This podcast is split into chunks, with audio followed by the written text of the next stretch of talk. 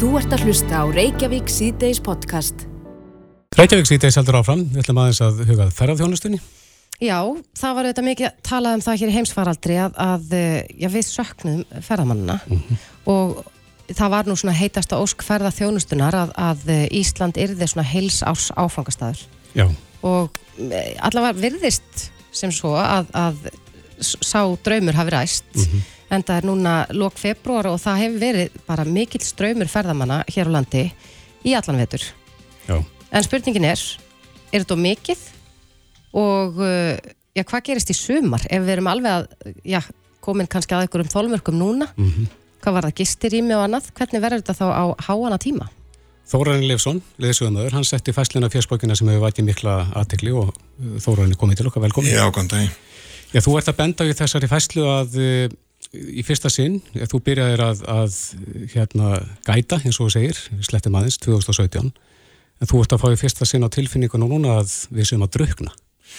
Já, ég sko byrjaði að þessi svo kvöldlega dagtúra frá Reykjavík 2017, 18, 19 og síðan þróaðist það hjá mér yfir. Ég er fann meira svona sérferðir kringum landið með hópa, sérstaklega mm sumrin. Og sumari núna er bókað upp. Þannig ég fer aðeins minna í þessa dagferðir. Og ég fór í nokkra fyrir svona viku síðan og, og hérna ég er, ekki, ég er náttúrulega ekki að segja að ég var fyrir áfalli en mér fannst eins og umferðin hefði tvöfaldast. Það er tilfinningin sem ég fekk frá því 2018 og flesti leiðsögumenn sem ég tala við þeir verðast vera sammála, þeir verða margir uggandi um þetta hvort við ráðum við þetta. Og ef að staðar er svona í sko februar, því að Já. hér á árum áður var þetta rosalega bundi við bara þrjá, fjóra mánuð ári. Já, við skulum sitta samt fyrirvarum það einn leiðsögumæður sem er að væla þið geta ekki mælt 100% út frá því. Það er svo skemmtilegt með ferðarþjónustun eða með túristan, þeir komið svona í bylgjum. Þú kannski ert að koma með smábíla að einhverju restaurant og það er tróðfullt, svo hálftíma setna þá er það tómt, sko. En samt sem áður, þá, þá, þá er eitthvað eitthvað spennandi í gangi. Þetta er auðvitað gott líka fólk, fólk sem er að vinna. En eins og þess að þessari fæslu ég heiti pólska stelpu sem hefur ekkert farið að sofa í nýju daga hérna í reynisfjöru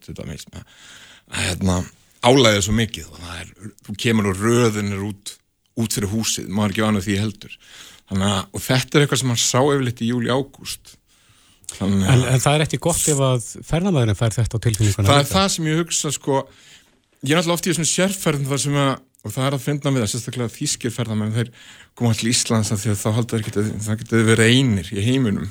Og svo koma þeir og það eru þúsundir manns út um allt, það er það og þegar við förum þess að sérferður á sömurinn þá höfum við ímist trikk, sérstaklega sem er með litlu hópan að segja mér jeppa, það er oft séð á jeppa með tvo farþæga eða eitthvað svo leiðis þeir geta svindlað og stungið af einhvers staðar hjá húsafelli, horfið einhvers staðar bak við hól og látið túristarna vera eina.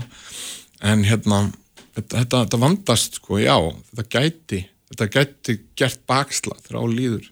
Já. og hérna og þið þekkjum alltaf skemmtifæraskipin og, og þá umræðu ég held, sko ég hef ekki hundsvita á hvað maður að gera. Ég er ekki að gefa mig út fyrir það að geta gert þetta betur en Jóhannes skýrari eða hvað hann heitir. Hérna. Já, Það er að tala um formann já, já, já, já, en einhver þarf að gera eitthvað og ég held að við ættum að byrja þá á skemmtifæraskipunum uh, ég sagt okkur það skemmtur og sögur þegar ég fer á sömurinn, ég fór áttasunum síðastu sömur kring landi maður kemur í Dimmuborgir. Þið veitir hvað það er, það er fyrir norðan. Og það sem flesti munur Dimmuborgir, það er maður alltaf einn það er svona tómt, þetta er svona raun skóur bara og einhvern tímann mitt sömur þá kom og það var bara algjörlega stappfullt þessi garður sko það voru svona kannski 8000 þjóðurar sko og ég fór að grínast við gætana sem voru veist, þetta er bara eins og svona hjörð þá hver gæt kannski með 70 manns hvort þetta væri ekki bara svona eitt hverfi til þessu, í Hamburg eða St. Pauli sem þau bara fært í heilu lægi frá Hamburg og hérna inn í Voru, Dimmuborg. voru þetta ferðamenn Þegar fannst þetta ekkert skipum? fyndið, já, fannst þetta ekkert fyndið, en maður hugsa, gæði ferðarinnar getur, þú veist, þú veist, í svona stóri rútu og svo framvegist, það er eitthvað að hugsa þetta. Já, en, en sko nú hefur stundu verið talað um það að, að við erum kannski og, og ferðarþjónustu fyrirtækin mörg hver, ég ætla nú ekki að skella skuldinu alla, við erum svolítið að gera út það sama sömu stuttu ferðirnar, eh, gullni ringurinn og, og Já. reynisfjara og, og svona þetta sem er frekar mikill nálað við höfuborgarsvæðið. Já, Þurfum við að, að, að eh, setja púður í það að dreifa? Já sko, við hefum náttúrulega helst þurft að hafa þetta eins og í Oslo, þar sem að innanlandsflugvöllurinn er við hliðan á alþjóðaflugvöllunum. En eins og þið vitið, þá vill enginn gera það, missa flugvöllin hérðan. En það er alltaf verið best ef við getum mókað ferðamennum frá Keflavík beint út á land, beint til Ísafjörðar, beint til Eilstaða. Það væri best fyrir alla. Uh, að leysa- þessum, þessum rík um að vilja halda flugvellum, við getum þá bara haft tvo getum við ekki bara haft einn í Reykjavík og svo einn, eða skiljið hvað var við? En, en vill fólk ekki vera í borginni? Það sé, er það ekki málið að áðurna fólk ekki endilega, skipuleggur það er fullt það, það er ímest, sumi vilja að borgarlega Reykjavík er alltaf að verða eftir svo það eru og betri borg, einmitt þöks í túristanum, en það eru margir sem vilja bara fara beint.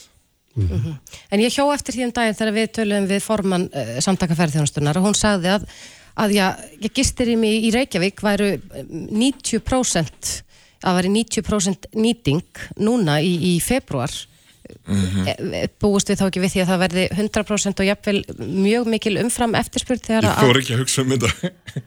Þetta, ég vil bara þór ekki að hugsa um þetta. Hvað, hvernig það verður. En það til dæmis núna, var ekki lítil nýting fyrir jól hérna hefur Mývat var það ekki frétton eða lengi nýting hérna í kringum Mývat Var það ekki? Þú maður Fosshotelið. stöldina við? Já, ég, ég hætti að fara hann að ringi í nóvumber, sko, ég nenni ekki að fara í janúar, februar, en það var í fréttanum þá. Já. Það, það mætti nýta það betur líka. Af því að vetraferðarnar eru vinsælar og það eru þá stundar hérna frá Reykjavík, gætu alveg eins eru stundar frá Akureyri. Það segir hérna í fréttin á DFF sem að gerði frétt upp úr festlunni þinni á Facebookinu að Bubi Mortens hafi blandað sér í málið og hann vil loka landinu. Mm. Tekur undir það með honum. Nei, ég held að það sé ekki praktíst, sko. Mm. Við nautum okkur allir COVID, ég, er alveg svona, það, ég lifa á þessu náttúrulega 90% og það er mjög margir sem lifa á þessu, þannig að En já, það er segja... Það er hvað gott segir- að buppa líka bara skvetta smá vatni og koma umræðan á stað. Já, en Það er ekki ég, það er ekki buppi, það er ekki Jóhannes Skýrari sem er að fara að leysa þetta. Þetta er, þú veist, er þetta ekki alveg stærstið innan Íslandinga?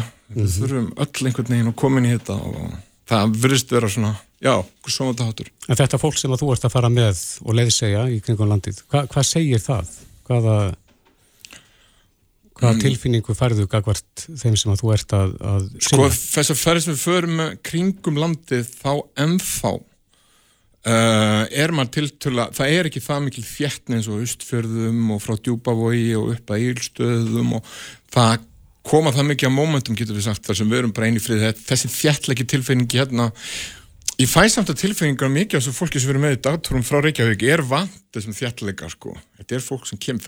Kannski er það meira við Íslitingarnir sem erum að pyrra okkur á þessu líka þegar við erum á smárútonum með 19 manns og, og náum ekki stæði þar sem við erum vanir að ná stæði, alls konar svona praktík sko. Mm -hmm. Túristatnir pyrra sig ekki eins mikið á þessu, kannski er lengra í að það, maður hugsa út í það, í það bakslag Já. en það er spurning hvað, þú veist, öll bílastæði eru, eru orðin full og, og allar kaffistofur eru full hvernig fyrir það í að klára þessa túra en, en þú sagði hérna að við getum ekki bara tekið hérna einn lesumann og, og einhvern veginn ákveða svo, þetta væri, það er erfitt að fá yfir sín já, en, en þú hefur heyrt í þínum kollegum, þú, þú sér það viðbröðum á Facebook og þú sér það á öllum þessum kollegum sem ég tala við, já. Það er, það er 99% já. Já. en, en það var eitt sem að en það er rétt sem er benda á þessu svo kallar luxustúristar með tegustu svona túrum 1, 2, 3 eins og við varum nefnaðan þú getur flúið með þessa með þessa fágætisferðamenn eins og það kalla. Þú getur horfið bak við hólu húsafelli en þú getur það náttúrulega ekki með þúsundin sem kom inn. Nei. En þú vilt byrja á skipunum? Ég vil byrja á skipanum, absolutt. Og ég held að sé opbáslega margir sammála því að þetta sé ekki alveg sniðugt. Þú ert að móka svona 8000 manns í einu á bryggjuna í Reykjavík eða í Djúbói eða Ísafjörði Akkurat. Já, Þóran Leifsson uh, fer, ferða, já hvað segir við? Lesumann? Leiðsögumæður Já, það er skjótin að fyrir kveðugur, er ekki að kveðamannast Jú. það er ég skrifaði bók sem hétt hérna, út að drepa túrista Já. og er til á Storytel kannski kaltanislegt að kalla einn kaltanislegt að kalla einn mann kalla einn þann mann sem skrifaði út að drepa túrista en það er önnur saga Já, tökum við það. Kæra þætti fyrir komuna. Já, takk sem leiðis Þú ert að hlusta á Reykjavík síðdeis podcast. Klukkan 25 minútur gengin í 5 og við ætlum aðeins að huga að fjármálum þjóðarinnar. Já, það, það er nú ekki góðar fréttir, verðbólka er komin yfir 10% og Já. þetta hefur ekki gessið en í september 2009. Jón Bjarki Bentsson sem við ætlum reyndar að heyra hér í siðari þættinum aðalhagfræðingur í Íslandsbanka segir að aðkoma stjórnvalda sé nöðsynleg og að Sælbankin get ekki verið einn í þessari, þessari barátu. Nei, en hún er sest hjá okkur, Þorgerur Katrín Gunnarsdóttir, formaður við Restnar, kom til sæl. Sælverði. Ja, hvað geta stjórnvöld gert þegar staðan er svona eins og við sjáum hana núna? Já, náttúrulega það er ekki þannig að eins og það hafi ekki verið vara við þessu og við sjáum náttúrulega það, það uh, bara það að frá því að fjallega frumvarpi að því sko ríkisjóður hefur áhrif á verðbólku ríkisjóður hefur áhrif á það meðal annars hvort að eh, Sælabanki þurfa að beita sínum vextatækjum. Hann veldur ekki einn ástæðinu til þess að hann hækkar vext í Sælabankin en, ríkisjóður og, rekstur hann skiptir bara máli e, fyrir okkur öll og á milli umræðina í, í þinginu fyrir jóla þá jógst eh, hallin frá 90 miljardum í halla upp í 120 miljardar. Þannig að ríkisjútgjöld jökustu 30 miljardar meðan við sjáum til dæmis að að hjá Reykjavíkuborg að þá, þá skar Reykjavíkuborg á milli umræðina hjá sér um einhvern miljard eða tvo þannig að það þarf að fara í miklu ábyrgari rekstur ríkisjós og þó að fólki finnir þetta fjarlagt að þá er þetta bara risa breyta sem, a, sem að hefur áhrif á endanum á heimilisbókaldi hjá, hjá fólki. En það er margir sem kall eftir fjö í hérna ymsið þjónustu hjá þann ofnbæra í heilbyrðismál og slíkt. Hvar, hvar er hægt að stýra niður? Það er auðvitað, það er til að mynda það fyrsta sem við vöruðum við bara hjá þessari ríkisjós, ekki farið það að fjölga ráðunitum bara þegar hún byrjaði þann og slóð þannig taktin. Það kostar eh, vel að hátta þriðja miljard yfir, yfir kjörtíðanbili. Það er líka hægt og við sjáum það að, að það er einhverjir áþur að byrja að hugsa um samanningur ríkistofnana. Það er hægt að einfalda í kerfinu. Það er hægt að, að gera betur og við sjáum það að, að þrátt fyrir mikla fjölgun ofinbæra starfsmanna á, á kjörtíðanbili þessara ríkistofnana á þessum sex árum sem hún hefur starfað Ég er ekki endilega að segja að allt hafi batna við það að fjölga ofinbæri starfsmunum þannig að að, að það er hægt að reyka ríkistjóð betur en auðvitað er þetta ákveð kviksindi sem að, að ríkistjóðnin og, og helstu embætismenn líka hafa verið að og þá tel ég líka selabankastjóra með sem að er búin að koma okkur í þetta. Og við munum það að það var ekki bara sjálfstæðisflokkurinn sem auglisti hér fyrir sístu kostninga mikið lávastaskið, það var líka selabankastjóri hann ítti af stað á ríkistjóninni ákveðinu væntingum. Fólk fór í það að, að taka lán og núna sjáum við bara fréttir af bara venjulegu fólki sem getur hefur alla jafn að geta greitt á lánunum sinu, það getur það ekki núna. Og það fær ekki eins og að fara í, í endurfjármögnum að því að, að það stennst ekki e, hérna e, matið á því hvort það getur stað undir afborgarunum þannig að hluti af þessari breytu öll eins fúlt og það er fyrir ríkisjótana þá verður hún að horfast í augu við það að hún á stóran þátt í þessu. Og, og við vitum það líka sem fylgist til að mynda með COVID að hún var gjörna að halda bladamannafundi þegar eitthvað bjátað á. Nú herjar verbúkan á heimilin í landinu og komin í þessa stórsókn og mér finnst eins og það sé engin í marki uh, fyrir hönd ríkistjónarinnar í, í, þegar verbúkan er að sækja á. Hvað er hægt að gera meira? Það er hægt að fara strax í það sem við hefum bent á afnumum eða lækum totla þá að minnstakosti tímabundið. Afnumum þessar samkeppnishömlur því að eina stærstu breytur í síðustu verbúlkuhækkun voru uh, hækkun á, á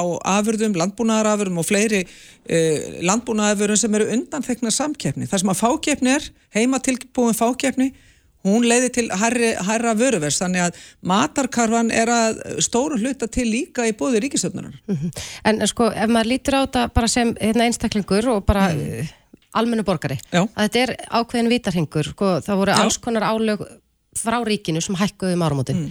Við sjáum stýrivexti hækka trekk í trekk, mm afborgarnar lánum þar á meðal og, og vöruverð hækkar mm. það verðist allt fyrir að hækka er lausnin að hækka skatta líka til þess að, að það myndi þá líka bytna heimilinum Sko það er hægt að náttúrulega fara í ákveðna hækkun á, á, á, á skattekjum. Ég segi, sko, við erum búin að horfa á ríkistjótt sem að, og svona samsetning ríkistjóttanir í dag er svolítið að koma í hausun á okkur núna. Uh, við erum að sjá annars vegar uh, eitt jáðarflokk til vinstri bóða aukun útgjöld og svo sjáum við jáðaflokk til hægri til vinstirgræn og, og sjálfstæðarflokkurinn sem að vil skattalækun. Á þessu tímabílu höfum við upplifað bæði skattalækanir og aukin ríkisútgjöld. Þetta er bara tifandi tímasprengja í, í rekstri ríkisins. Þannig já, það þarf annarkvort að hagraða og, og skera niður eða fara í, í skattahækkanir og það er hægt að, að, að fara í þú veist, ákveðnar skattahækkanir og gjaldahækkanir sem, sem að myndu bytna þá, þú veist, maður er auðvitað að horfa einhverju leiti til sjáurútveksins og fari svona ákveðnar sértaka skattahækkanir sem ætti að geta hjálpa ríkisjóði að, að lækka, lækka skuldir. Það er, það er hægt að gera það en, en nú er bolten komið svolítið í fang ríkisjóðnarinn og hún er eiginlega búin að skapa þetta kviksindi alveg sjálf og hún verður þá að hafa uh, taka, sig, taka sér svolítið taki til þess að, að taka á sig vanda hún, hún, hún verður að horfast í augu við það að hennar gjörðir eru búin að koma okkur þanga sem að við erum í dag. Stór hluti, eða langstæstur hlutin af þessari 10,2% verðbólku er bara heimatilbúin og, og það gerist ekki að sjálf. Það gerist út af þeim merkjum sem að ríkistjóðnir gefur frá sér á hverjum tíma. Hvað sem að það er allt talum lágvastaskeið yfir í það að að vera hér með, með verulega auki ríkisútgjöld og eh, það er bara búið að gerast á vakt þessara ríkistjóðnar undir fórstu sjálfstæðsflokksins. Þetta er alveg makalust. En hefur eh, ofinbæri stafsmenni fjölgáðu mikið? Ég það hefur bent á það að, að þeir eru fleiri núna heldur en uh, áður og launin hafa sömulega sækkað? Já, við skulum, sko, það var náttúrulega eftir, eftir sunna, þá var verulegur niðurskurðir í heilbríðiskerfunu og helbriðskerfi hefur tímalust þurft á meiri fjármagnu að halda á stöningi þannig að það sé sagt. En heilt yfir uh, þá spyr ég bara hefur þjónustan batna hefur við, sko, hefur við, hefur við stert, styrt innviðina í hlutfalli við, við aukningur ríkisútgjaldi ég held að svarið flest, á, á flestum heimilum í dag sé, mm, nei, þú veist pappi minn er á bygglista, bróðunars er á bygglista eh, sýsti dóttur mín er á bygglista allir er á bygglista Er þetta beina að ofenbæru stafsmjölu fjölgar á raungum stuðum? Ég er að kalla eftir bara skýrari forgansuðun af halvu ríkistjóðnar og hún hefur ekki verið til staðar. Það er engin stefna í þessu. Er, þau eru að starfa bara í svona sílóm flokkarnir. Og það er það sem að ég segi núna er þessi blanda af ólíkum flokkum sko með ólíkar áherslur í efnaðasmálum hún er svolítið að koma niður á okkur í dag.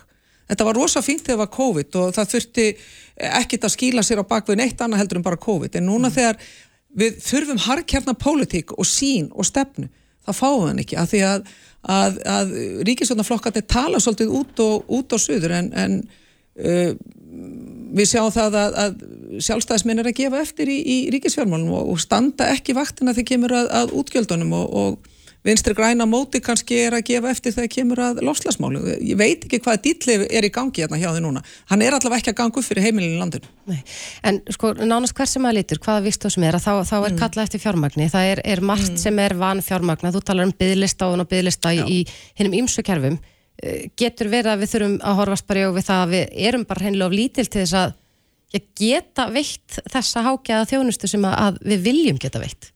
Getur við staðið undir þessu? Sko, við getum staðið undir mjög sterkru og mikilvægri þjónustu og náttúrulega fjársöguna sem við búum yfir er mannöðurinn og þekkingin og við búum yfir því láni sem er ekki hjá mörgum öðrum þjóðum að við getum farið til útlanda, fyrir til bandaríkjana í framhalsnámi eða, eða Norrlandana eða Þýsklands eða hvað það er og við fáum fólkið okkar mjög mikið tilbaka. Það styrkir okkar einvið, það styrkir, styrkir heilbriðskerfið en við þurfum líka og þá erum við afturkomin að þessari forgansröðin talandu um bygglistana, það er vonandi eitthvað að einhver ljóstýra byrtast núna en, en, en bara það að ef við höfum leita til sjálfstætt starfandi uh, helbriðisjónustu aðalega eins og með klínikina varðandi bygglistana á, á mjögum og njám, þá hefðu við geta sparað, það kostiði þrísasunum eða tæplega þrísasunum minna heldur en að senda hvert sjúkling út til svíþjóðar. Þannig að það er hægt bara ef, að, ef það hefði ekki verið þessi þessi þvergeriðingsháttur sem að var uh, í fjögur ári í helbreyðisanötunum þá hefðu við geta sparað ríkinu fjármagn en líka um leið linað uh, þjáninga fólks á bygglista en heil, yfir heilteki þá vil ég náttúrulega draga það fram að eins og staðin er núna bæði með verbulguna og þetta gríðalega háa vakstastig og við sjáum það að greiningaraðalar er að spá jafnvel 100 punta hækku næst út af þessari miklu verbulguhækkunu hérna á milli mánada að það þarf þetta ekki að vera svona við þurfum meira aga í ríkisfjármála, við þurfum aga á vinnumarkaði og viðreysn hefur eðlilega verið að benda á aðra leiðir sem er nýrgjaldmiðl og það að fara í Evrópussambandi. Uh, það er ekki töfralisnin en það ítur okkur í þennan aga sem að við sárlega þurfum á að halda. Það er ekki ægi rík, í ríkisfjármálum og við þurfum líka nýtt vinnumarkasmótil, alla við þurfum að endur skoða vinnumarkaslíkan eins og það er í dag. Þetta er mjög einfalt í mínum huga en auðvitað er þetta, sko krónan er svo þægileg bæði fyrir ákveðin fyrirtæki en líka fyrir stjórnmálafólk að, að þurfi ekki að, að endilega standa skil á öllum sín, sínu lofórðum. Það er sveigalegi sem, sem að stjórnmálafólkið og, og sjárótsfyrirtækin og fleiri þurfa og vilja halda í. Ég held hins vegar að þetta sé, sé mjög vondur sveigalegi fyrir, fyrir fjölskyldun og heimirinn í landina því það er alltaf endanum mm -hmm. alltaf sama fólki sem að lendir í sig það er þetta venjulega fólk og í dag er þetta unga fólk sem þarf að bera byrðarna núna af þessari óraðsíu og vondur stjórnun í ríkisfjármála eins og staðin er í dag En þú nefnir hérna gjaldmiðlinn og Európa-sambandi. Það vilist vera meiri stemning fyrir nýjum gjaldmiðli fyrir ekkar en uh, Európa-sambandsaðild. Er, Já, já, er hægt að slíta þetta í sundur? Það er mjög erfitt en við höfum reyndar ekki reynda til flust við höfum bent á leiðir viðris bæði í gegnum myndráð uh, og líka það að, að fara í viðræði við uh, Evróska Sælabankan og eftir atvikun líka Danska Sælabankan til þess að tengja stönsku króninni En það er, ákjör, það er ekki ákjósanlegasta leiðin. Uh, það besta leiðin er að, er að vera hluti að Európusambandinu enda er eins og Gilvi Sóka held ég í þessu stúdíu núna bara á Sprengisandi í gær það er svo margt fleira sem að tengist Európusambandinu og ekki síst núna þegar við erum í þessum stóru áskorunum samtímas, samtímas eins og um lofslagsmál og um frið og hvernig við ætlum að varveita eða íta undir en frekar samkeppnismál, leitindamál og svo framvegis. Allt er þetta er þetta hluta því að, að geta setið við borðið og, og, og bent á þann veruleika sem blasir við okkur hérna heima. Hluta því eru til að mynda uh, gjöldin á, á flugið. Þetta var ekki svona ef við hefðum beitt okkar rött uh, við borðið. En nú er þetta, já, mál málana undanfarnar vikur þetta kjara deila milli mm. eblingar og samtaka atvinnlýsins og við höldum öll í vonina að, að svo deila verði leist en því hefur svo sem verið flekt fram að, að já, þessi verkföld sem hafa núna staði yfir í viku uh, þau eru farin að býta eitthvað og, og, og almenningur er aðeins farin að finna fyrir því. Hvenar er, er einhver svona skurðpunktur hvenar stjórnvöld ættu að, að blanda sér í deiluna?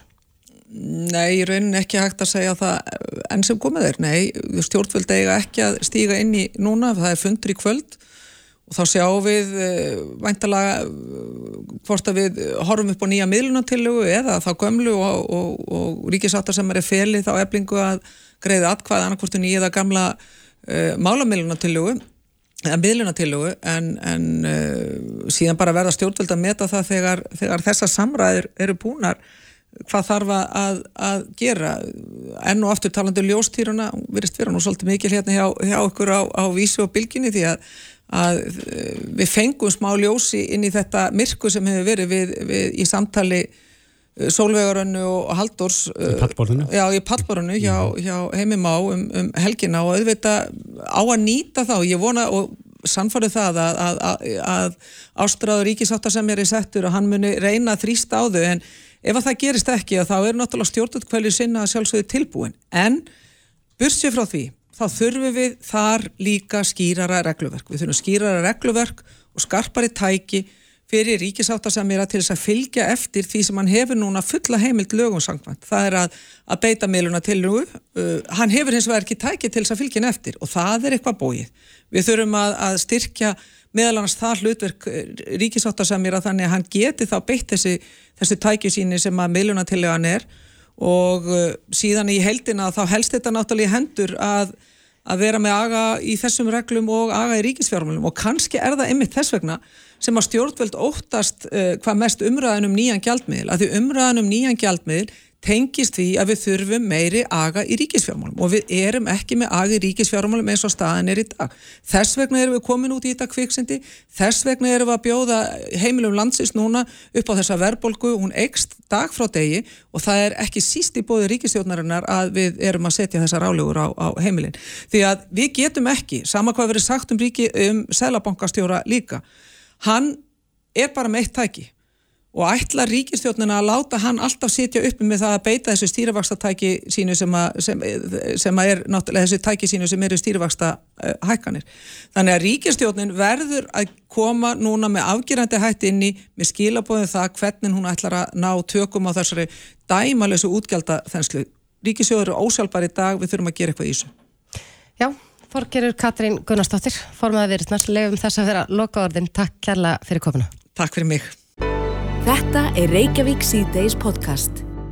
Geð heilbreyði er eitthvað sem við ættum held ég bara oftar að tala um sem oftast, þetta skiptir okkur öll gríðarlega miklu máli, það var nú umræðin á uh, alþingi í dag þar sem að fjalla var til dæmis um, um nótkun þunglindislifja hér á landi. Og uh, ja, nótkun þunglindislifja hún, hún ekst hér á landi og er, er hlutfarslega meiri hér heldur en annars þar í heiminum. Það er spurning hvað veldur því. Og svo heyrum við oft talað um kulnun. Þetta er eitthvað svona hugtak sem að já, við þekktum ekki fyrir að fáum árum síðan. Nei, en er mikið notað í dag. akkurat. Uh, nú fyrir skemstu byrtist viðtal inn á um, vísi.is, atvinnulífinin inn á vísi.is og þar segir hann Engilbert Sigursson, professor í geðleiknisfræði að, að þunglindi sé kannski svona minna spennandi heldur en eh, svona orðanótkunum að tala um þunglindi að þetta sé ekki eins, sé ekki eins spennandi að, að fá uh, greiningu á þunglindi en, en kulnun er kannski meira svona nýmóðins Já, bendir svolítið til þess að maður sé svolítið döglegur í vinnunni, ég hef vel ofdöglegur Já, en hann er sestur í okkur Engilbert Sigursson, professor í geðaleiknisfræði komdu sæl og blessaður. Já, takk. Já, þetta, eh, við vorum að, að nú aðeins kannski fara með fleipur á þannig varandi þessar tölur frá virk en, en inn á vísi.is í dag byrtist grein þar sem við talaðum að rúm 6% beðina til virk í starfsendurhæfingu hafi uppfyllt skilirði alþjóða heilbreyðsmálastofnununar um kulnun. Því er þetta að, að hinn 94% sem að sækjum hjá virk haldaði sig með kulnuna, er það ekki? Nei, þetta er ekki alveg svona. Uh, ég er nýbúin að fundið mitt með þeim hjá virk til að fara yfir, þú veist, hvernig þróunum hefur verið. Þetta er breyst mjög mikið bara á einum áratug. Mm. En uh, á síðast ári þá var það þannig að í um 14% tilvísana til virk var kulnun sett sem aðalvandamál eða sem eitt af vandamálunum sem skipti máli. Svo er fólk beðum að svara spurningarlistum þegar það er komið til virk og þar segir umlega 58% af þeim sem er vísað að kulnun sé mikilvæg eða aðal ástæðan. Svo er farið yfir skilmerkin bara fyrir klíniskri kulnun eins og það eru í nýjistu skilmerkjónum ECD-10 hjá allþjóða heilbriðismálastofnuninni sem notabenni við erum ekki en þá múin að taka upp á Íslandi og ekki flestum löndurönnar og þá er þetta tífalt minna, þá er þetta 6% en ekki 58% mm. og okkur var ég að nefna þetta í þessu viðtali þarna við hana Rakel jú það sem ég verið að taka eftir bara sérstaklega á allra síðustu missurum að æg fleiri sem að er í raun að vera að glíma við alvarlegt þunglindi eða endur tekið þunglindi og mæta þar bara öllum skilmerkjum sjá og heyra þetta orð kulnun út um allt, lesa viðtöl og, og það er ju talað um hluti eins og þú hefur minni orken áður, þú hefur minni áhuga heldur en áður, þú ert ekki með sömu einbeitingu heldur en áður og eitt og annað er erfitt í starfsumkverfinu þínu, árið er ju alltaf að vaksa okkur og þú hefur komast að þeirri niðurstöðu þegar í mínum huga þegar greinilega bara farið ofan í djúpa geðlagð að þau séu með kulnun en sko við verðum nefnilega að greina fólk rétt til þess að það geti fengið viðegandi gaggrænt úrræði. Er mikill munur á kulnun og þunglindi? Já, það er ansið mikill munur en það er ákveðin skörun og vandin kannski er svolítið fólkinni því þegar fólk er sjálft að greina sem er kulnun að þá er þessi hugsun að fólk þurfi kannski fyrst og fremst á svona leifi, oft laungu leifi að halda og svona endur skilgreiningu á lífinu en það er ekki það sem virkar best við þunglindi. Þar þarf maður í raun og veru að gera eitthvað af því sem er gaggreint og það er kannski í vægustu tilfellunum þá þá skiptir máli svona ákveðin grunnfræðsla og viðtalsmeðferð og aukin hreyfing og hugrann atverðlismeðferð og, og, og, og þunglindisliv sem var nú þessi hérna, umræður svolítið á, á allting í dag en ekki bara það að fara í leifi Nei. og þess vegna er þetta mikilvægt að tala um þetta þótt að þetta sé eins og margt annað í samfélaginu í dag svona greinilega aðeins viðkvæm umræða Já, maður ma sko nú er ég bara að hugsa út frá því sem maður sér og les sjálfur. Mm ef að einstaklingur uh, greinir frá því að, að uh, við komum að þetta sé í kulnun Já. að þá er kannski meira klapp á baki frábært að taka þetta skrefa að bara hérna, taka kvildina og, og, og hæja þess á sér. En á meðan að ef einhver einstaklingur greinir frá því að, að uh, við komum að þetta sé í djúbri geðlægð eins og þú segir, bara að glíma við alvarlegt þunglindi að þá er það meira kannski svona vorkun jafnvel meiri fordómar í kringum það. Heldur að það spil inn í ég... bara hvernig, hvernig almennings álitið Já, er. ég held samt að þetta sé freka skilgreynd svona bara af hverjum og einum. Að fólk sem sagt sér öllu sér viðtölu og alla þessu umræðu og býtu hvert okkar á ekki auðvöld með að tengja við það á ákveðnum tímabilum. Að hafa einhvern veginn minni áhuga á vinnunni heldur en áður verða svart sín, upplifa við höfum minni orku, minni áhuga og jafnvel á einhverjum miklum erfiðum tímabiljum, til dæmis bara eins og núna í gegnum COVID hjá heilbyrðistarsfólki mm -hmm. að við bara getum þetta varla og við sjáum þetta hjá heilbyrðistarsfólki út um allan heim einni er greinilegt að kennarar eru stjætt sem hafa verið mjög svona útsetti fyrir því að, að upplifa sumt af þessum enginum, en það er bara eins og alltaf, til þess að fá viðegandi réttar úrlausnir, þá þarf greiningin að vera rétt og þetta er vinna sem að virk er núna að, að svona búin að vera að fara í meira, sagðu þau mér frá, heldur en áður vegna þess að það hefur verið að auka svo mikið þetta, þetta háa hlutfall fólk sem er sjálf telur að kunnum sé aðal eða mikilvægu þáttur í þeirra vanda. Mm -hmm. En þessar fréttir að, að við eigum met í nótkunn á þunglindis og kvíðalifjum. Mm -hmm. Er þetta góðar fréttir þar sem er við, segir það okkur að við séum þá taka á vandanum eða er verið að ofnota þessi lif? Ég held að það sé ekki að svara þessu bara svona með einföldu svona já eða nei og, og segja svona er þetta, svona er þetta ekki. Uh, ég held að þessi mikla þunglindislefja notkun sem að ég fylgst með henni hér á Íslandi í raun að veru bara langt aftur og það hafa komið tímabil þar sem að aukningin hætti tímabundið. Svo fór hann aftur af stað eftir ákveðin tíma, við höfum náttúrulega gengið í gegnum ákveðin þrengingaskeið bankarhraunni náttúrulega og mörg ári eftir það. Það er náttúrulega mikil áhrif á marga hér í samfélaginu, nú COVID og allt það sem að fylgi því hefur haft áhrif á mjög marga í samfélaginu. Uh, þessi snjálfsímar eftir að þeir komu hafa auki verulega allar svona samanburð því unga óþróskuðu fólki og, og, og bara náttúrulega verið mjög mikið áreiti fyrir, fyrir marga. Þannig að sko ég held að þetta er bara kannski það svolítið sem fólk hefur getað fengið sem ákveðna úrlausn í gegnum svona eins og heilsugjastluna til að byrja með en svo eru komnir þangað sálfræðinga, þeir eru bara á fáir. Og erum ekki enþá farin að bjóða upp á það að niðugriða þjónustu sko, klíniskra sálfræðinga, það er ekki allir sálfræðingar nota benni, fólk þarf að hafa hlotið ákveðna færni og reynslu áður en að mér finnst að það ætti að niðugreiða, þú veist, þeirra meðferð. En við hefum til fulltarslíku fólki í dag og það var samþygt á alþengi fyrir nokkrum árum að, að koma svona þannig kerfa og það hefur ekki gerst ennþá. Og meðan það er ekki, þá er efnahagu bara að hafa, finnst mér, ofmikil áhrif á það. Hversu auðvilt er að hjálpa ungu fólki með bjargráð sem það getur tilengja sér til lengri tíma. Og þar eru suma svona líkil, sem, hvað maður segja, likil bjargráðum hugrætnar atveldismeðferð er bara frekar einföld og við gætum gert svo mikið betur líka bara með því að kenna það í skólakerfinu myndi ég segja. Mm -hmm. Vegna þess að þú tala nú um efnahag og, og það er eins og allir vita það er dýrt að sækja sér sálfræði meðferð, það er erfitt að koma stað hjá geðleiknum til dæmis, mm -hmm. við höfum nú talað um bara skort á geðleiknum hér á landi, mm -hmm. þannig að, að eru þá lifin í raun kannski auðveldasti kosturinn í þeirri stöðu sem við erum núna? Já, bara eins og ég bent á í þessu viðtölu en að Rakel sísta, hérna, þar sísta sundag þá er alveg ljóst að það er langt einfaldasta úræð og það er líka það sem fólk svo sem vill frekar oft. Minna Karlmenn svona sögulega hafa kannski ekkit verið alltaf mjög spenntið fyrir því að fara að koma í einhverju endutekinu viðtölu borga svo að auki 20.000 fyrir viðtali sko. Hún eru almennt frekar opnari fyrir þessu mm. og líka það er rétt að taka í þessari umræðu um, um hérna, lindisraskanir eins og þunglindi og, og líka kvíðaraskanir að þær eru allstaðar í heiminum tvöfalt algengari hjá konum heldur en körlum og það hefur kannski meira með félagslega þætt að gera heldur en lífræðilega þætti en lífræðilega þætti spila líka inn í það. Eru konur meira tilbúna til þess að viðkjanna Það eru bæði líklegri til þess að þróa þunglindi með sér mm -hmm. og það eru líklegri til þess að leita sér hjálpar við þunglindi og þunglind er almennt í flestum löndum þegar það skoða hvaða algengast hjá konum bara á barsegnar aldri frá 20 til, til 40 þegar að náttúrulega þær eru einnig að egna spörn og í vaksandi mæli henni vestræna heim í langan tíma þetta einnig að ljúka mentun og koma sér inn á vinnumarkað og allt sem því fylgir. Aukið álag.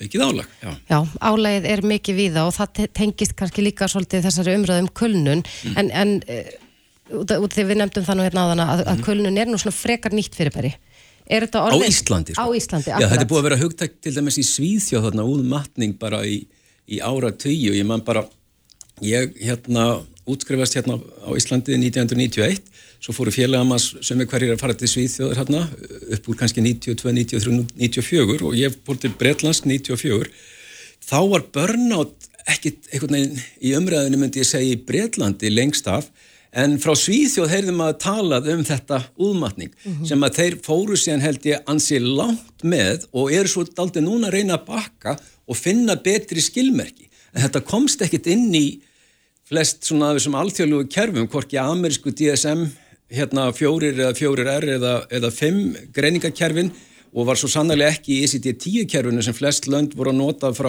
svona 1990 til og er ennþá nota í dag. En svo er komið nýtt kerfi frá HÚ sem heitir ICD-11 það er ekki búið að taka það upp við þess hvar. En þar er þó klínisk kulnun komin inn með þremur skilmerkjum sem eru kannski ekki alveg fullnægandi það þarf líka að vinna með fleiri þætti heldur en þar eru kannski rættir en ég held bara umræðan sé góð og, og ég held að það sé mikilvægt að þótt að það svona eh, sé kannski erfiðar að tala um að maður sé þunglindur heldur en að maður sé að glíma við eitthvað kulnunarengjani þá sé mikilvægt að gera sér grein fyrir því að það er alveg samankvort að ég eða eitthvað annað, við erum ekki góði að greina okkur sjálf Nei. við þurfum að fara til fagaðela og, og, og ræða máli Akkurat, maður velti ég nefnilega fyrir sig hvort að þetta hugtak kulnun sé að sko vera svolítið útvatna vegna þess að maður heyrir að, að, að sko fólk er hérna bara í kulnun í engalífinu og kulnun í, í hérna eh, fjölskyldu lífinu og parsambandinu og, og, en eh, við erum oftast að tala um þetta er vinnutengt fyrirbæri.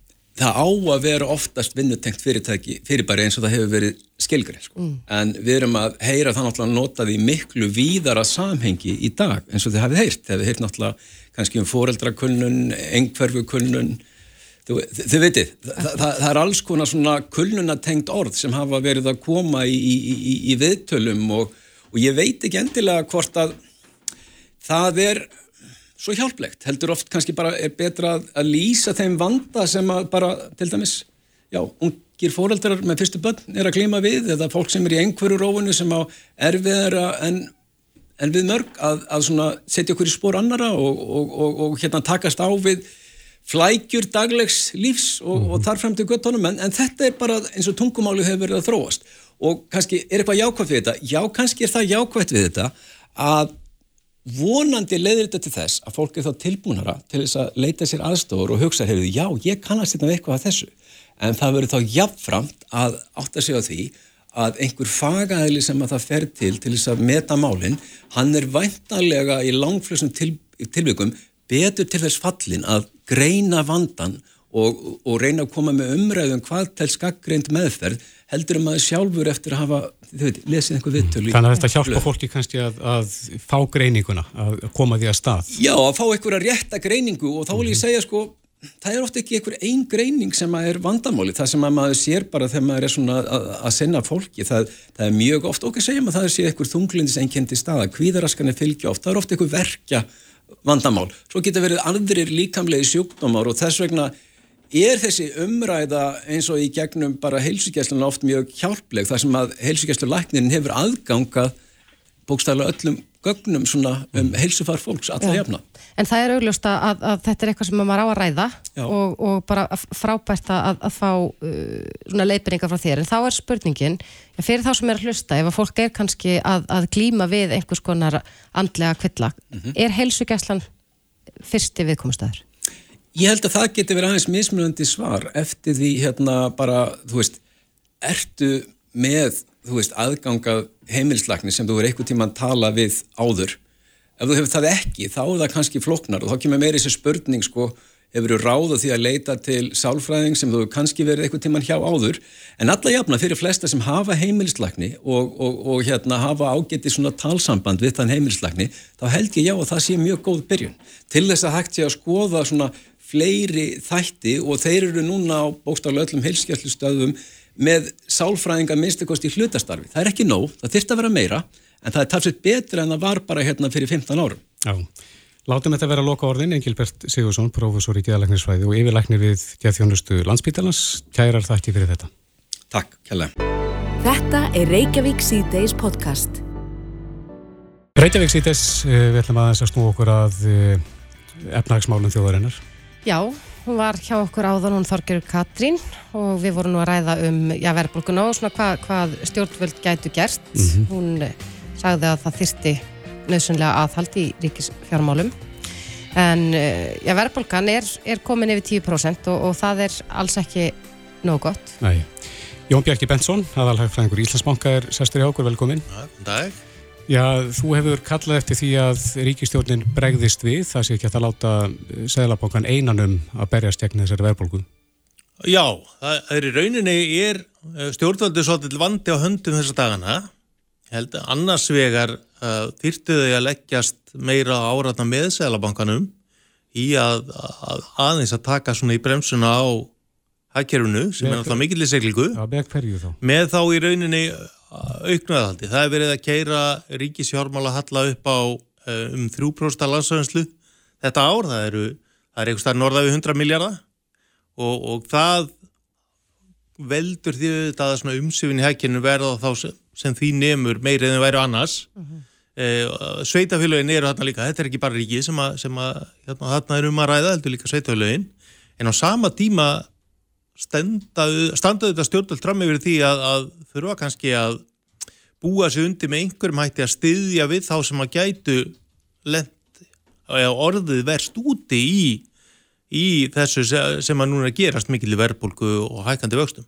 Þannig að þau þurfa einhvern veginn held ég að setja sér í stellika með að, að hugsa út og, og, og svona undirbúa einhver, einhver mjög afmarkaðar og, og vel hugsaðar aðgerið til þess að, að stiða þá sem að lögast af að kjörin og minnst meiga við ástandið versni en meira en á sama tíma í rauninni taka þá hínum einn svolítið í bremsuna og í gaðaldið. Þetta er, er heilmikil kunst og þarf eiginlega að gerast með þá að annars vera að vera með þá svona ámarkar að gera það getur verið í formi með aukinn stuðning við leigu og, og uh, húsbyggingafélög sem er óhagnaða drifin og, og einskorðast við þá sem að hafa lægsta tekjur eða minnst regnir uh, uh, það kannski að, að hugsa uh, barnabóta eða minnst að kosti undibúa einhvers konar uppbót fyrir barn, barna og húsnæðisbæti fyrir þá sem að í mitt aftur meiga minnstu því að, að hérna kjörin vestni mm. en á sama tíma stilla af útgjöld og, og tekjur þannig að, að hallin sé ekki að aukast að þessum sögum og helst að minga. Já, en, en sko, já við erum að sjá verðbólkuna aukast og uh, já það er eh, sérfræðingar er nú að spá því að stýrivexti muni hækka enn meira. Kemur þessi eh, verðbólku hækkun, kemur hún okkur á óvart? Hún kom okkur á óvart já og, og hérna þeir, þau greiningar fyrirtæki væri sem hafa verið að spá fyrir um, um verðbólguna voru á vannspáinni á, á þessum tífamúti það verður bara að segjast eins og er þó við værum að gera ráð fyrir tölur verið hækkun núna millir mánuða að, að þá áttum við ekki vona að myndi slá svona yfir 1% eins og, eins og raunin varð. Og það er líka ávikefni að þetta voru nokkuð margi líðir sem að voru þarna að, að hækka hraðar heldur en við en gert ráð fyrir. Eins og hverjir. það var e, e, innflutt matvara var að taka svolítið hækkunan kip og svona ymsar aðra innflutta vöru sérstaklega það sem verið á útsölum. Og það er reyndar ekki alveg útsið með það hvort að það eru að mestuleiti útsölu lokin sem að hafa þarna óvinni sterk áhrif eða hvort að nýjar vörur í vestlun mér er hreinlega á þetta hærra verði heldur en vörurna voru áður að fóra útsölu.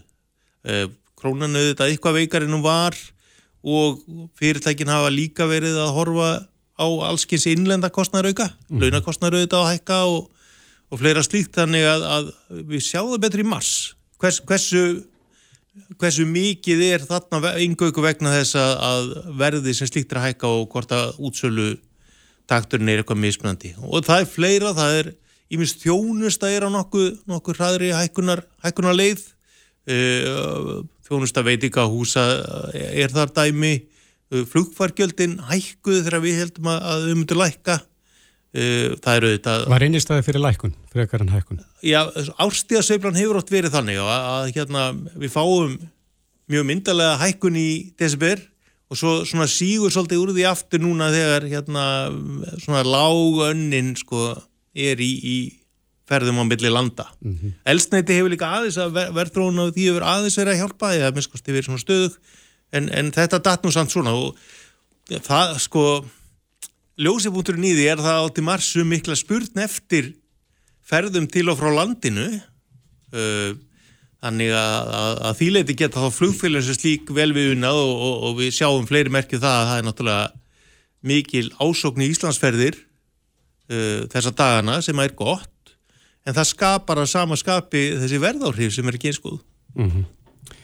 Eh, það ringdi maður í símatíma hérna á þann sem á þetta kemur alltaf reglulega upp í umræðinu hvort að við séum með of mikið inn í vísitölunni til að rekna hann út heldur en aðra þjóðir og það er húsnæðisliðurinn oft nefndur.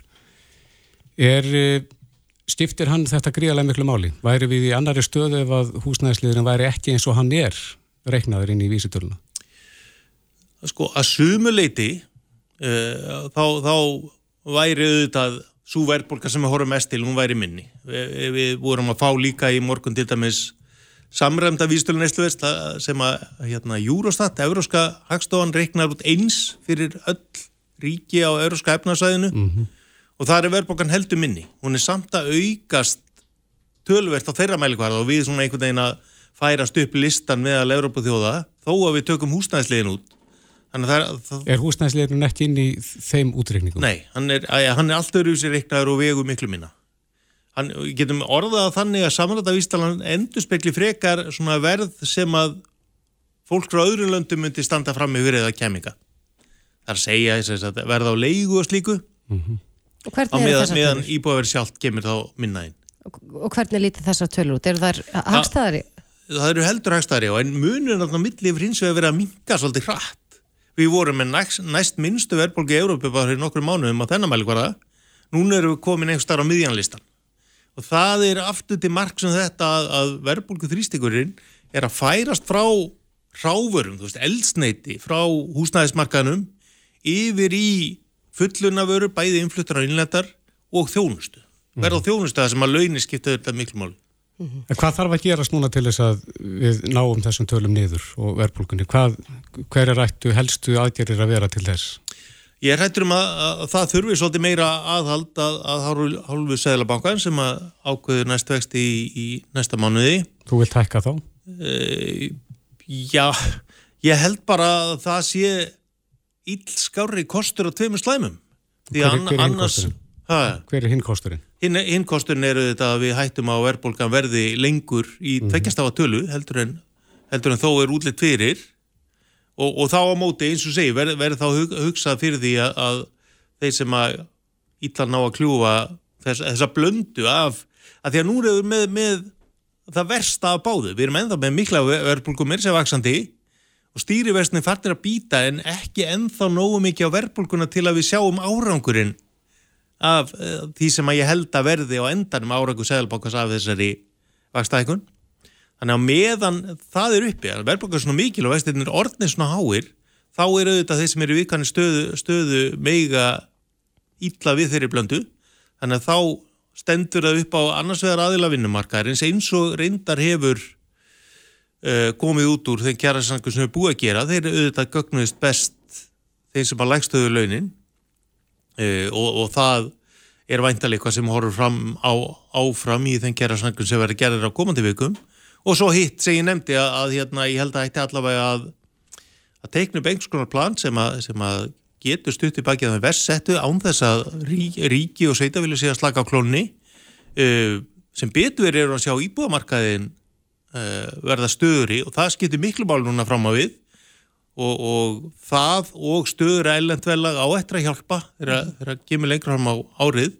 En svo verðum við einfallega bí, bítið það súra eppli að, að við erum með tölverða þenslu hér og, og við getum ekki búið til uh, meiri kaupmátt, meiri hagsalt heimilana yngöngu með því að, að hækka verð og laun heldur verðum að ná betra jafnvægi á hagkerfinu. Og það er bara hundleiðilegt og sásökuvilt að meðan á í stendur. Já, en nú er, er uh, já, það er, er verkfall í gangi núna og það er talað um verkbönn og, og það er mikil óvissa í þjóðfélaginu. Hefur það áhrif á verðbólgun? Er það eh, verðbólgu þrýstingur að einhver liti?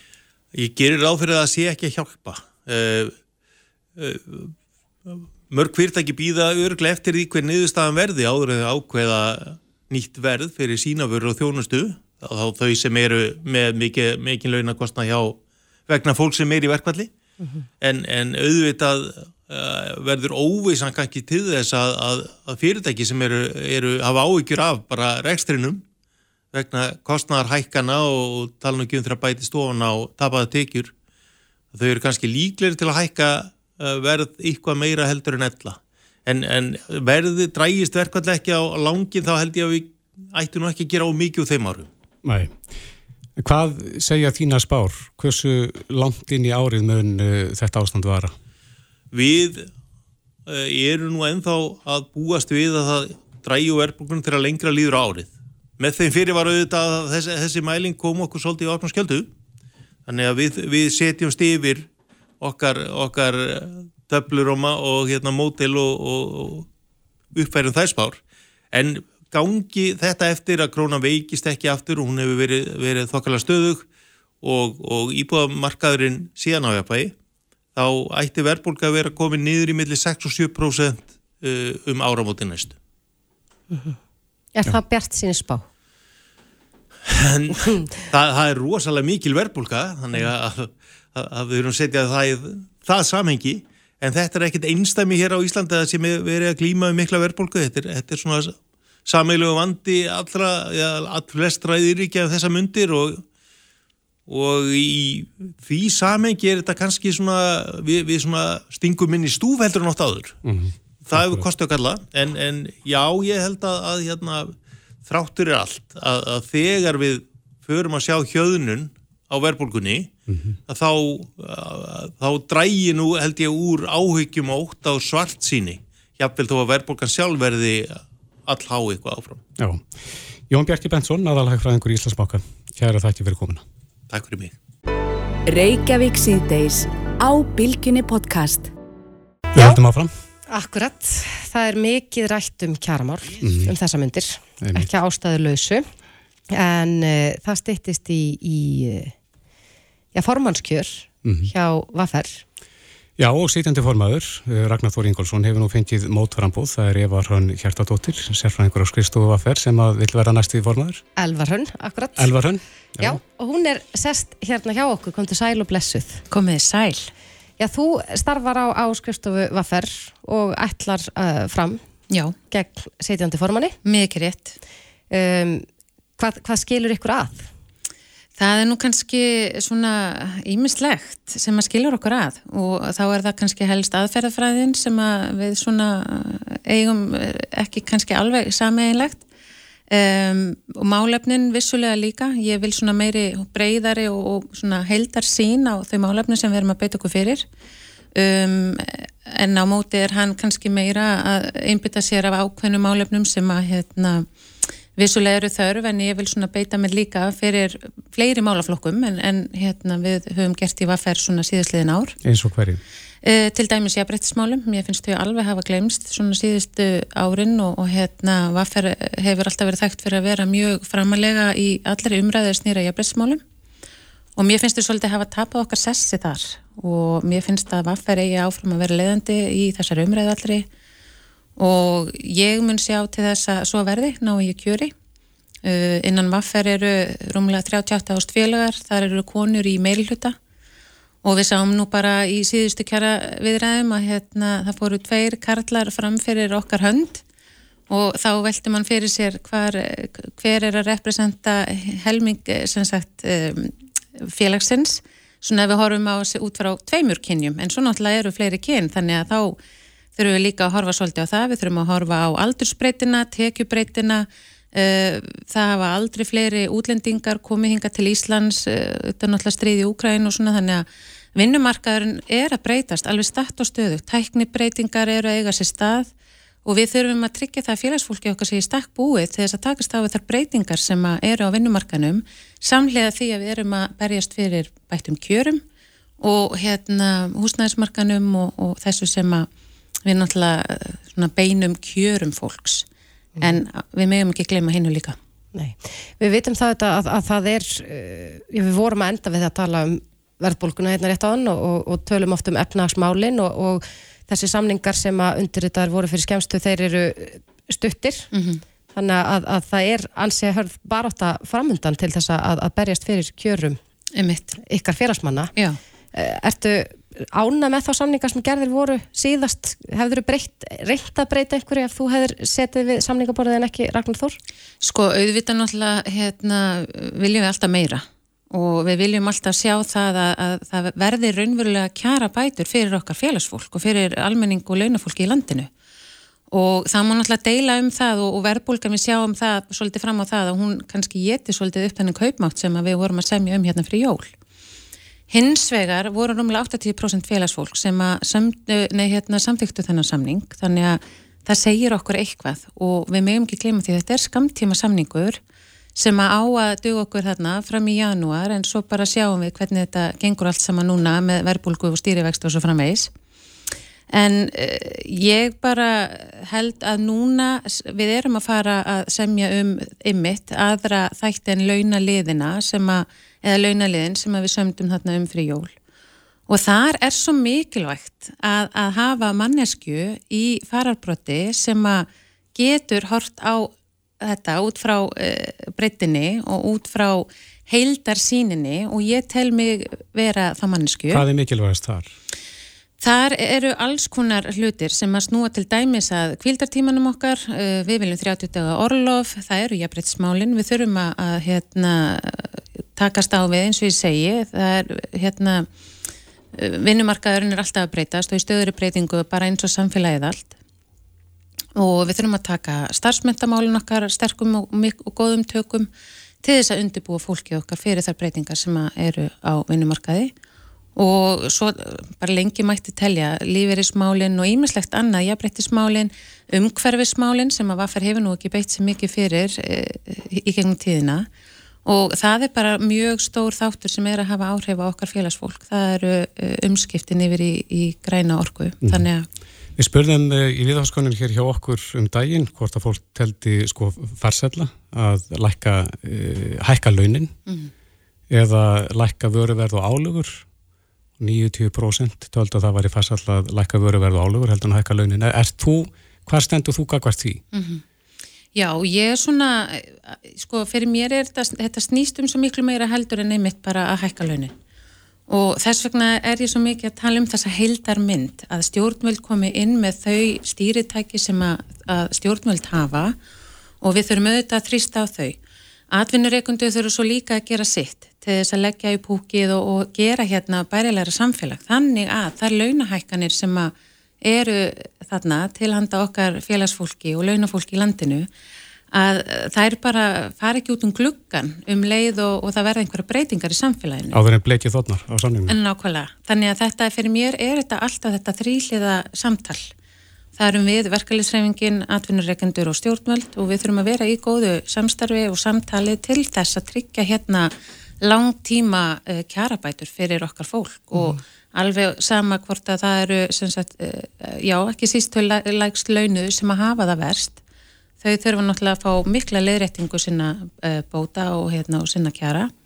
En við meðum heldur ekki gleyma svona millitekjuhópnum sem að er komin að ákveðin stað í lífinu og þurfum að gæta þess að, að þau týna ekki öllu sínu einmitt líka þó að við séum að einbita okkur að þeim sem vest hafa það. Mm -hmm. Er mikilvægt fyrir þig að nú var þetta mikið talað um það hér í, í haust að upplösninan ASI og, mm -hmm. og það er búið að vera ganga mikið á undanfarnar mánuði. Já. Er mikilvægt að ná sáttum þar og að, að epla alþjóðsambandið? Að sjálfsögðu. Það, ég held að það sé alveg forsendan fyrir því að við hérna náum hér bara okkar svona kjara bótum sem við erum að sækjast eftir. Við erum alltaf miklu sterkari saminnið og þó að við förum ekki endilega inn í svona, gungum ekki saman í einhvern bandalagi inn í samningaviðræður að við séum þó allavega á sumi bylgu lengt og að við séum svona sammála um hvað er okkar fólki fyrir bestu. Þannig að já, ég tel það að við þurfum að læja öldurnar, við þurfum að skapa hér vinnufrið til þess að beita okkur fyrir því sem að verulega skipt, raunverulega skipti máli. Finnur þið fyrir meðbyr?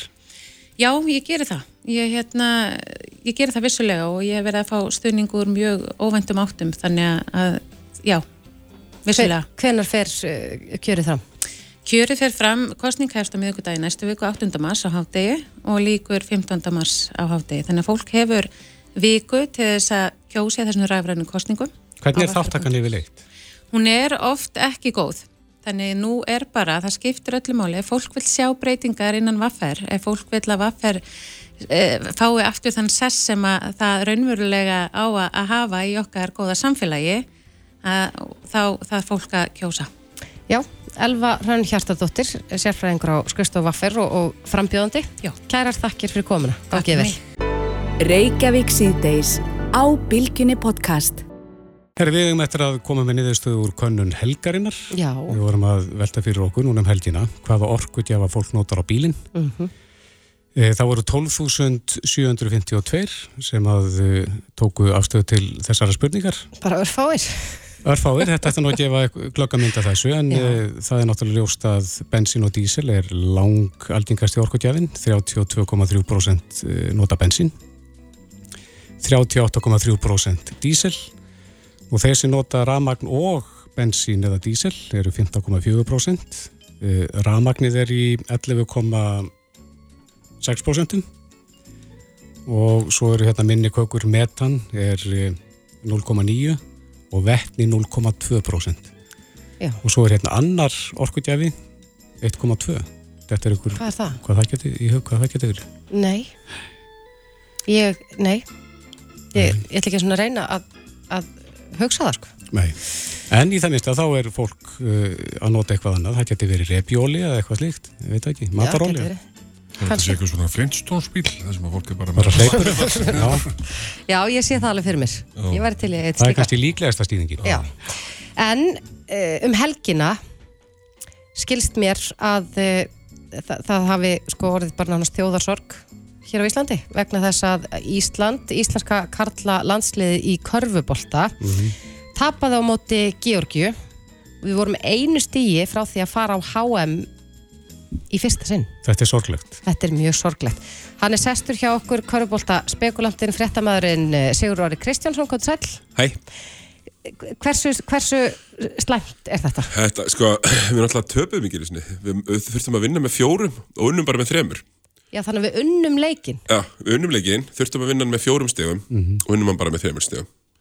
Og við fengum skot, síðast skot í leiknum, galopið, til að koma okkur að HM og við erum sko ekki bara lang, minnsta þjóðun til að komast að HM í sögunni, heldur alveg svona lang, lang, lang minnsta. uh, og HM í körfi er, kann var náttúrulega svo óbúslega svona víð íþrótt spiluð á svo óbúslega mörgum stöðum, gríðarlega vinsæl í Söður Ameríku, gríðarlega vinsæl í Asíu, svo þetta mjög vinsæl, sérstaklega í Suður og Austur-Európu, þannig bara risa, risa sport og við óbúslega nálægt í.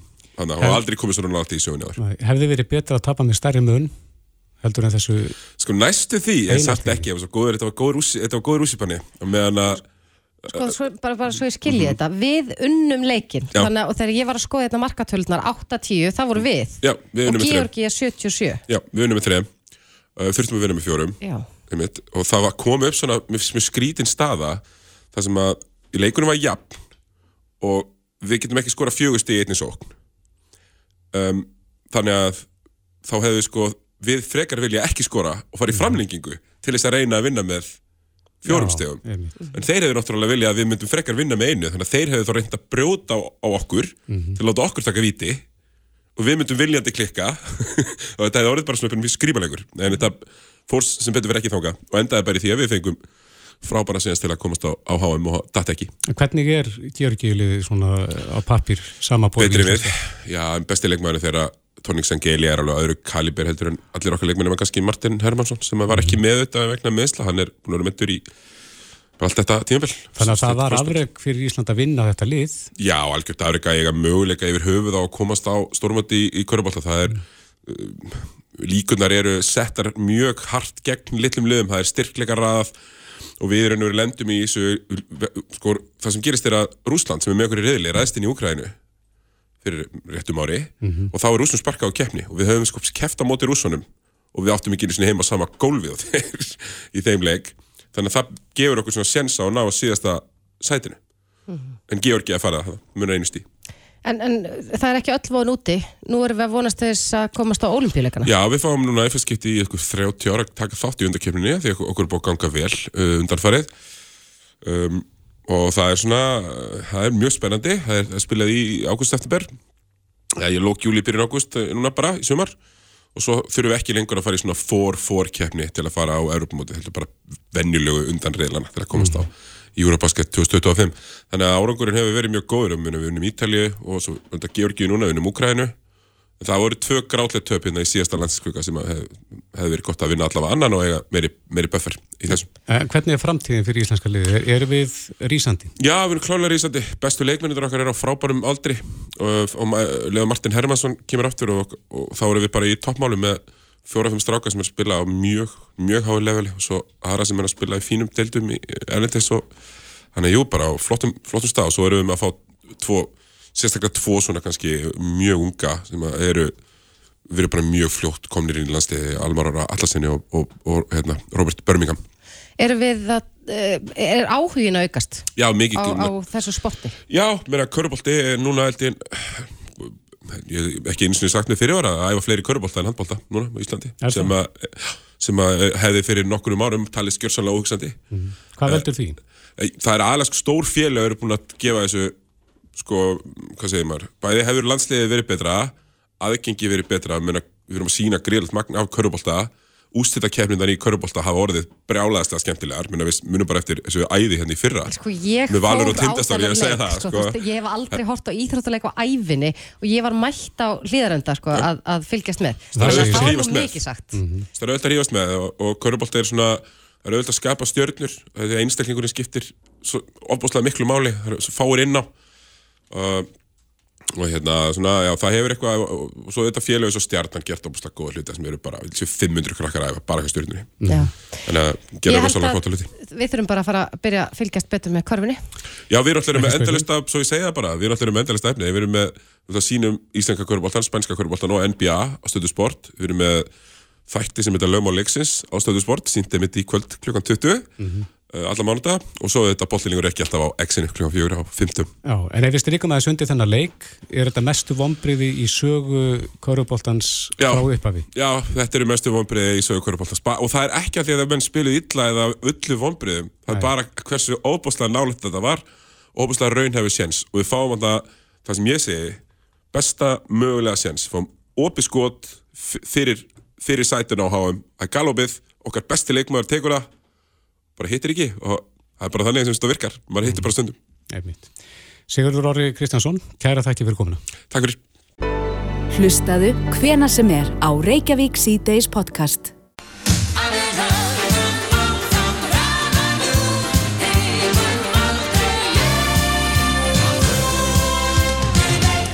Já, Eurovision stemningin er byrjuð, er það ekki? Jú, þetta lendi í fjörðarsæti, Já, 1990 en það geggja lag. æðislegt lag og uh, líka bara svo æðislega söngkona sem að syngur þetta lag Ein af okkar sem allra er bestu. sest hérna hjá okkur Sigga Bentins, kom til sæl Takk fyrir, takk fyrir. Herði Sigga, nú er bara stutt í það að við veljum okkar lag Já. Uh, Við vorum hérna að horfa á um helgina uh, síðara síðari undan keppnina Já. og svo er bara að loka Já. kvöldið Já. en nú heyrim maður að því að, að við gætum bara öll pakka saman vegna þess að hinn sænska Lorín ætlar mögulega að taka þátt og það er búið að spá henni sigri Þarf ekki að halda kemna. Já, það þarf bara líka að halda keppni. Já, nákvæmlega, það er búið spáni náttúrulega sigri bara, hún er ekki eins og komin upp úr keppni heimi á sig, sko. En eh, sko, já, ég var að mynda að setja inn á Facebooka því að ég bara, er ég vildi ekki svona fljóta meðtaka lög svona yfir höfuð, en, en bara leiði ég heyrði lagið hennar, hugsa bara, hún fer áfram. Er þetta eitthvað formúla? Ég veit það ekki, það er bara eitthvað við lagið, ég veit það ekki. Þú, þú veist, ef það, ef það, ef, ég held þessi þannig, ef, þú þarf- ef að laga á virki í Eurovision, þá þarf það að virka við hlust- fyrstu hlustun. Er þetta sömu höfundar og sömdu Euphoria? Uh, ég er ekki það? Mér skilst Ég- það, já, ég var ég- að lesa það ekki stáð netinu þetta og ég er þeirra skoðunar að mér finnst Euphoria bara, ég held að mér finnst það bara eitt besta lag í heimi, punktur Það fekk líka sko, ég held að það og Alexander Rybak hafi fengið sko flestu stig bara ever í kemninni. Já. Þau voru það, já, sterk. En hvernig líst þar á keppninu? Ég var nú með, sem ég sagði ykkur hérna, ég er með hérna kenningu, Já, varðandi úrslitakvöldið. útvarpinni, Já. samsæðskenninginni Á ég að gera það? já, já, já, það er alltaf ekki? Ég held að, að þarna eru sko keppindur sem höfða meira til yngri áhörvenda Já, já, sem að koma til með að, atkvæðin koma til með að deilast á milli þeirra. já, ég sammála því. Svo það er- gerist Svo er miðaldra kynnslóðin sem að mögum kjósa langarsöla og óskökunum. þá, já, Já. ok lægið. Já, ég, ég er svolítið sammála því sko. Það þeir eru náttúrulega miklu meira fyrir eldri kynnslóna þannig. En mér fannst það líka bara svo töff sko. Þeir voru mjög töff. Já, á sviðinu. Þeir voru bara eitthvað svo töff. Bara ekta rockabilly. Já, ekta rockabilly. Flott sound á læginu. En það er líka eins og þú sagðir sko að, að til þess að lög þurfa að virka í Eurovision þá þarf, þarf það að ná manni strax. Ég hafði aldrei heyrt lagið fyrir en ég horfði á söngukeppnina um helgina Nei. og ég var bara að byrja að syngja með, ég veit ekki eitt stakt orð nema ok. Já, En þú ég var lærir bara það að byrja- strax. Já, Já, læra það strax. já. Einfaldur texti. Ég nefnilega kom líka, ég horfði á bæði kvöldin sko og ég kom alveg, alveg bara á þess að hafa neitt hlustað á neitt, kom alveg ferska að þessu sko. Og, og hérna, ég var samt alveg viss bara leiðið búin að hlusta fyrir þessu bara Dilljó fara áfram og hérna strákurinn sem var frá sviði, hvað er hann, Bræ? Bragi. Bræ, já, já. Og svo núna á lögata, það var, já, já þetta er alveg, þetta er Sigga Ósko og hérna svo langisili og hérna og, og mér veist þetta klárlega sterkustu lögin sko og sem, átt, sem að, veist komast þarna áfram og svo náttúrulega koma celebs inn sem auka. Þú Viltu giska á, Sigga, hvernig, hver stendur uppi sem sigurvegari uh, um næstu helgi?